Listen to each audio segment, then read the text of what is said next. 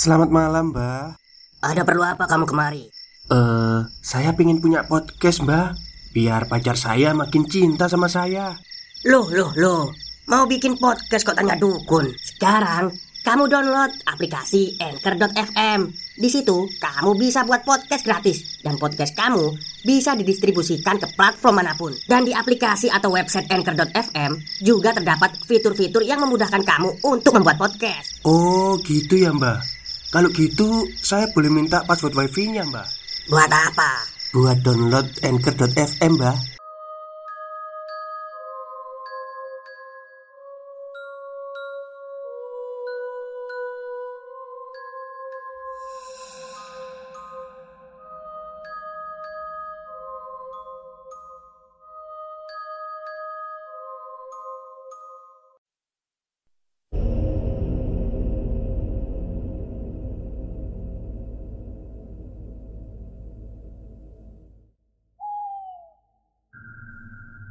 Assalamualaikum warahmatullahi wabarakatuh. Halo semuanya Jumpa lagi dengan saya Chow Sing Sing Kurator dari Podcast Horror Night Story.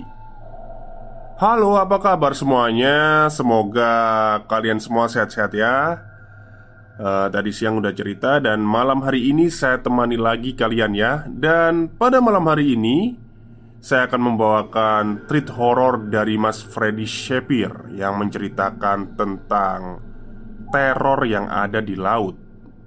Jadi, di cerita ini ada seorang pemuda yang ikut melaut bersama kawannya, dan ternyata waktu melaut itu ada teror mistis yang menghampirinya.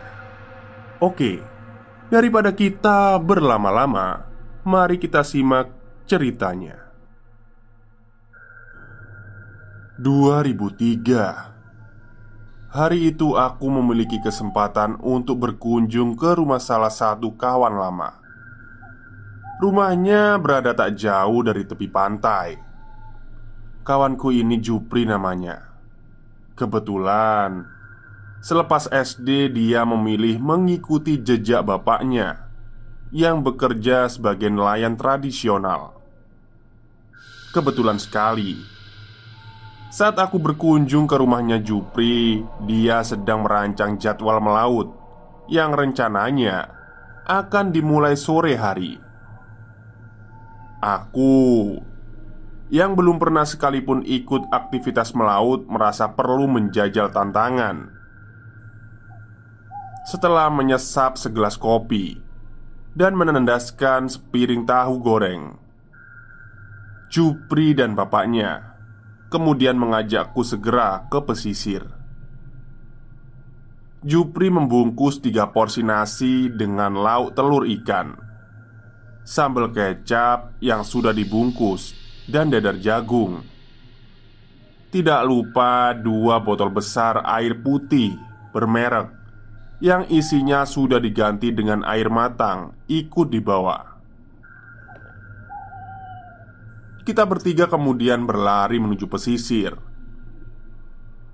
Beneran, sudah siap ikut cari ikan? Tanya Jupri sambil menenteng kresek. Sudahlah Jup, tenang aja. Tidak mungkin ngerepotin aku. Sahutku sambil menepuk pundak Jupri. Sebenarnya, Jupri sudah menawariku untuk tidur saja di rumahnya karena mereka melaut tidak lama. Paling lambat subuh mereka sudah merapat lagi ke pantai. Tapi aku tidak mau kehilangan pengalaman dan memilih untuk tetap bisa ikut. Di pantai, dua orang lainnya sudah terlihat menunggu. Namanya Pak Soleh dan Sarawi.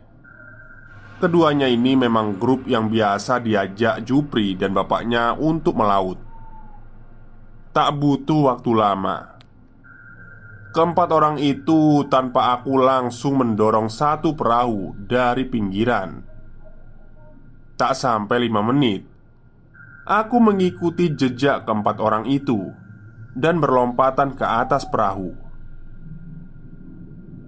Sore itu langit tampak cerah dengan dorongan mesin.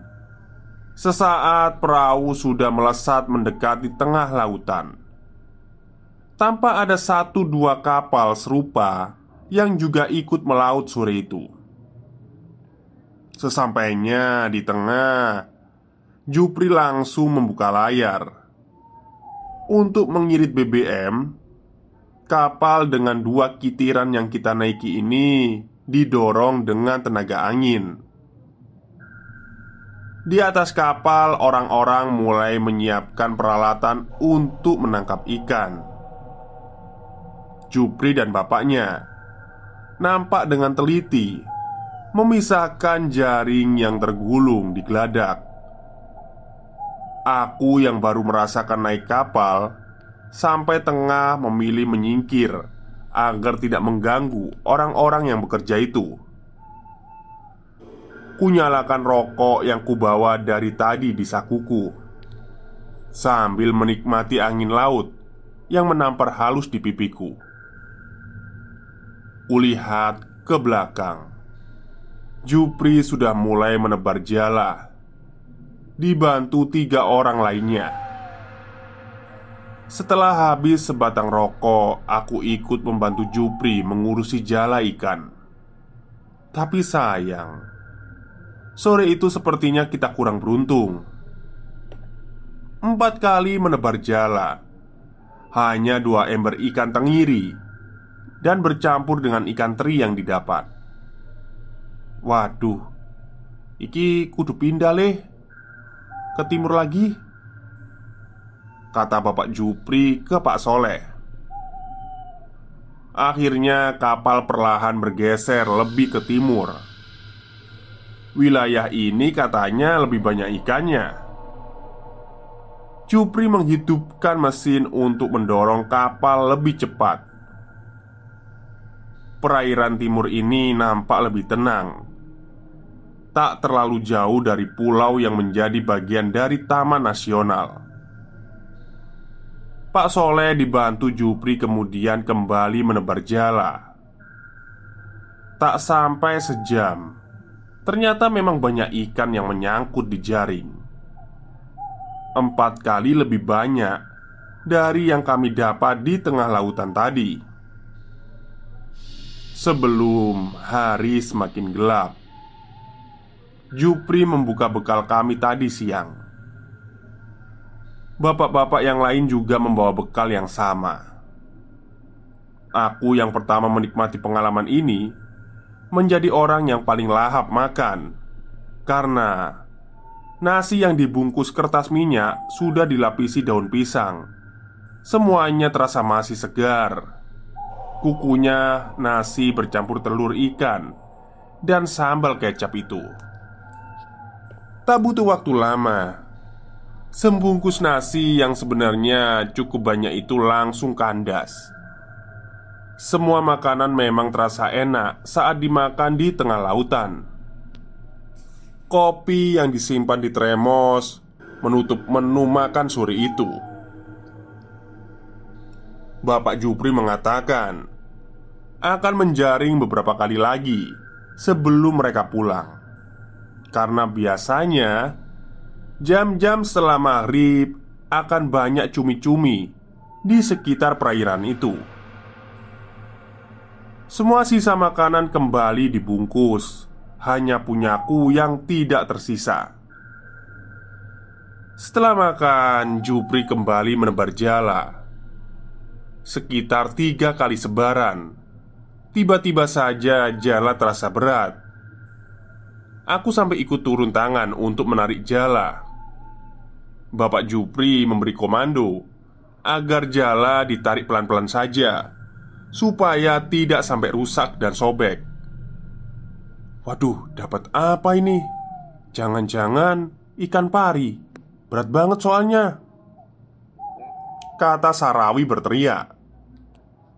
Perlahan, jaring itu pun naik semakin ke atas. Di remang-remang cahaya matahari yang nyaris tenggelam itu, kita berlima penasaran dengan ikan macam apa yang tertarik oleh jala. Awalnya, terlihat segerumbulan cumi-cumi seukuran jempol kaki orang dewasa yang terjaring. Waduh, bener kan? Banyak cumi-cumi jam segini. Bapak Jupri bergumam sambil mengambil cumi-cumi yang ada di jala itu. Tapi di bawah cumi itu ternyata ada sesuatu yang lain. Dari teksturnya mirip dengan karang. Jupri lalu mengambil sentolop besar untuk melihat benda apa yang mereka tarik.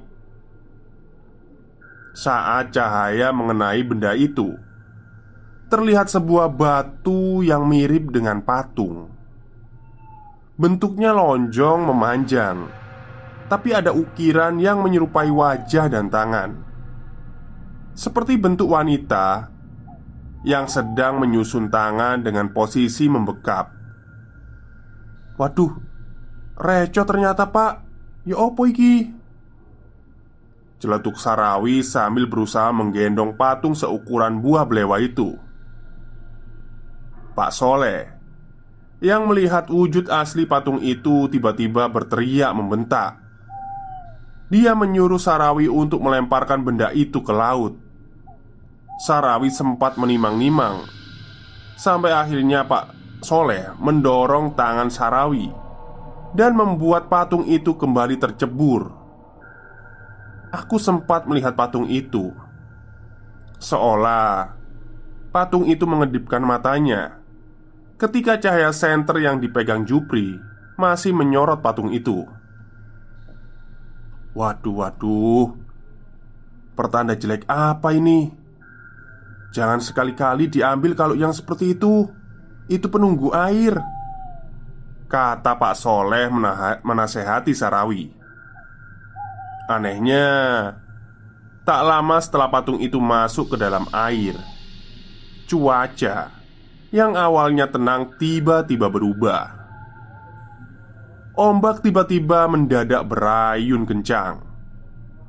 Hujan juga mulai turun dengan cepat Memang kita masih berada di tengah perairan, tapi ada dua pulau kecil di sisi utara dan timur yang seharusnya bisa mengurangi angin.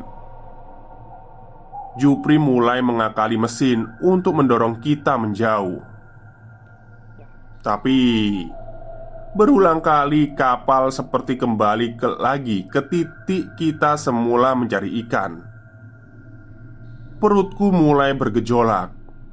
Kapal yang tadinya stabil mendadak mengguncang-guncang. Muntahan pertamaku mengucur keluar. Rasa pusing mulai melanda. Apalagi kapal tak kunjung berhenti tergoncang. Jupri nampak khawatir melihatku, tapi dia juga harus mengatur mesin kapal agar tidak ngadat. Pak Soleh dan Sarawi mulai sibuk mengambil ember kecil untuk membuang air dari lambung kapal.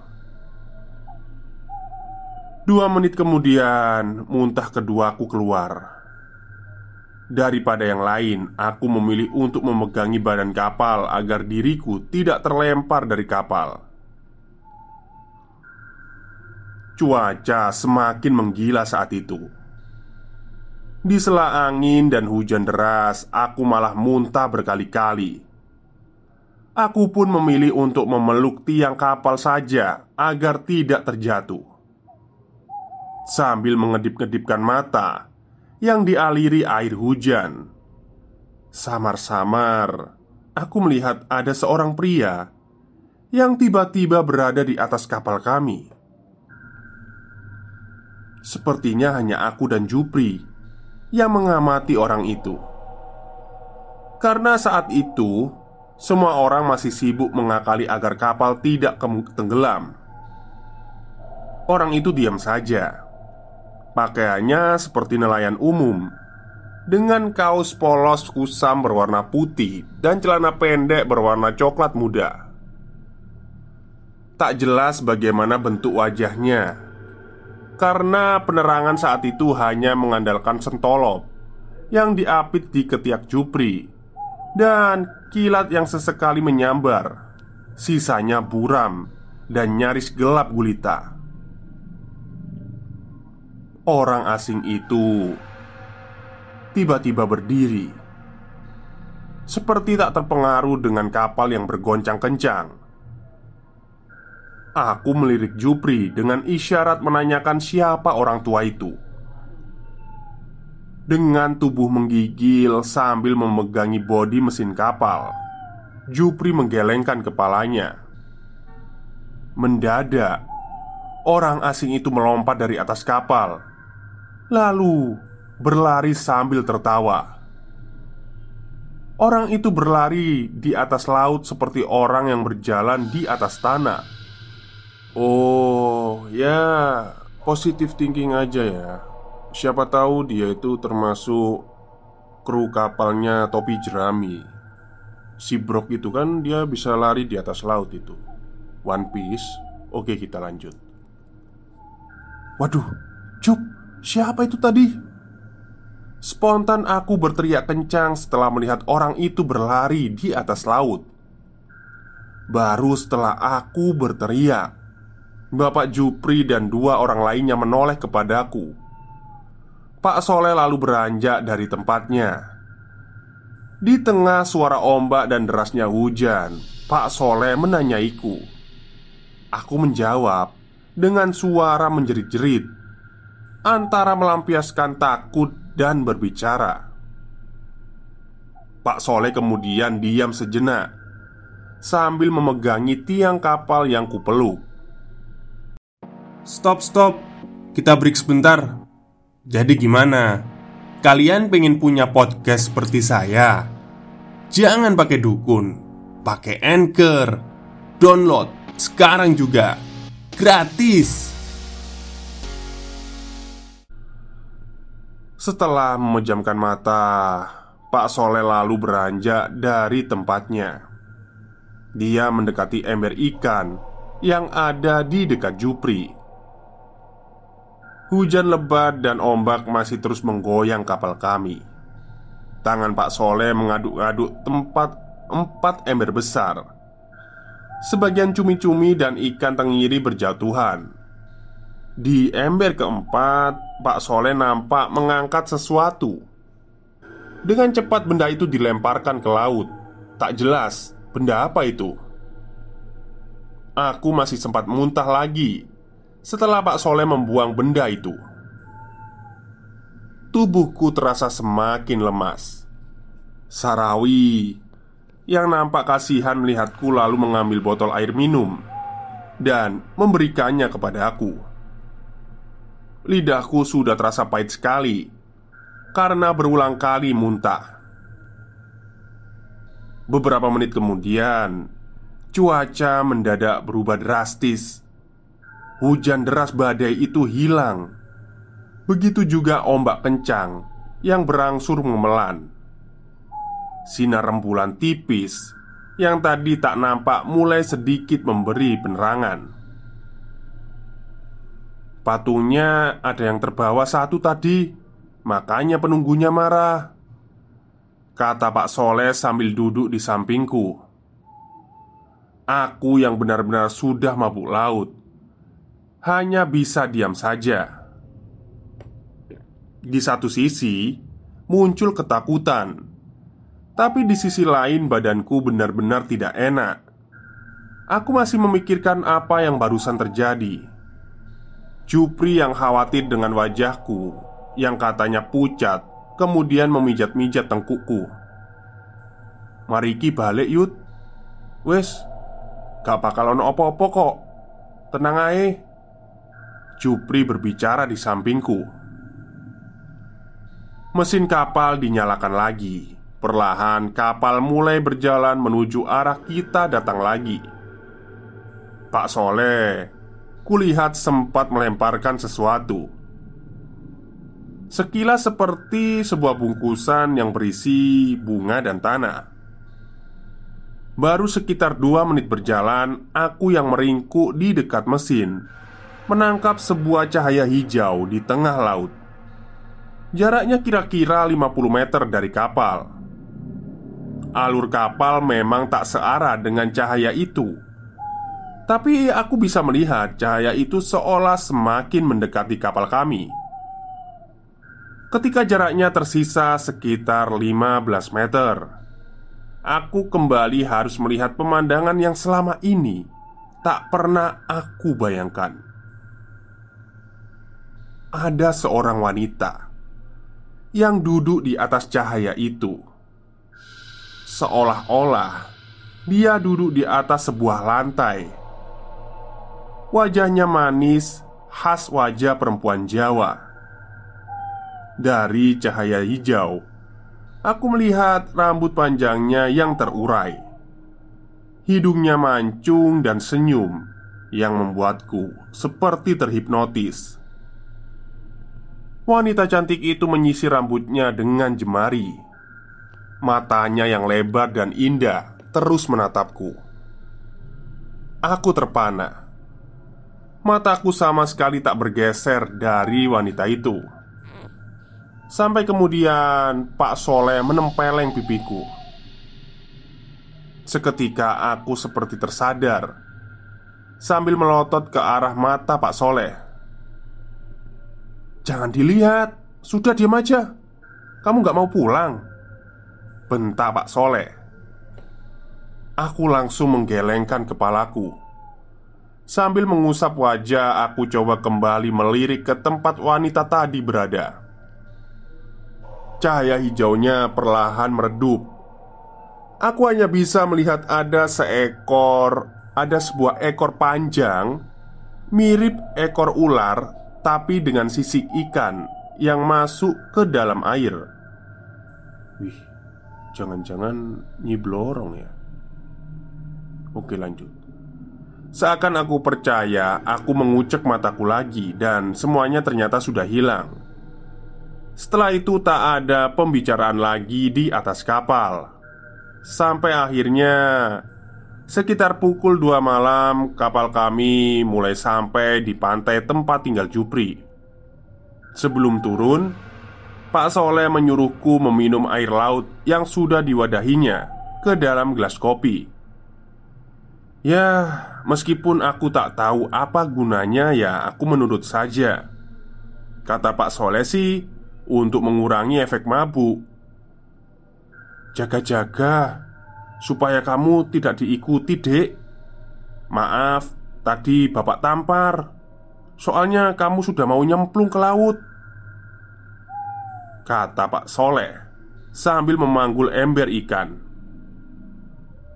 Setelah hari itu Aku tak berani lagi ikut melaut bersama Jupri.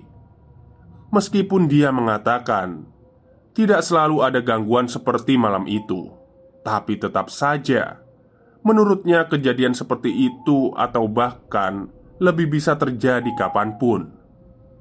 Selesai. Oke, itulah cerita panjang dari Mas Freddy Shapir Treat horornya yang menceritakan tentang teror yang ada di laut Ya sebenarnya baik di darat maupun di lautan itu banyak sekali ya lelembut. Apalagi saya pernah mendengar sebuah kalimat ya. Jin itu hidupnya di laut. Jadi mungkin kebanyakan ya mereka di laut daripada di darat gitu. Oke, mungkin itu saja cerita untuk malam hari ini. Kurang lebihnya saya mohon maaf. Wassalamualaikum warahmatullahi wabarakatuh.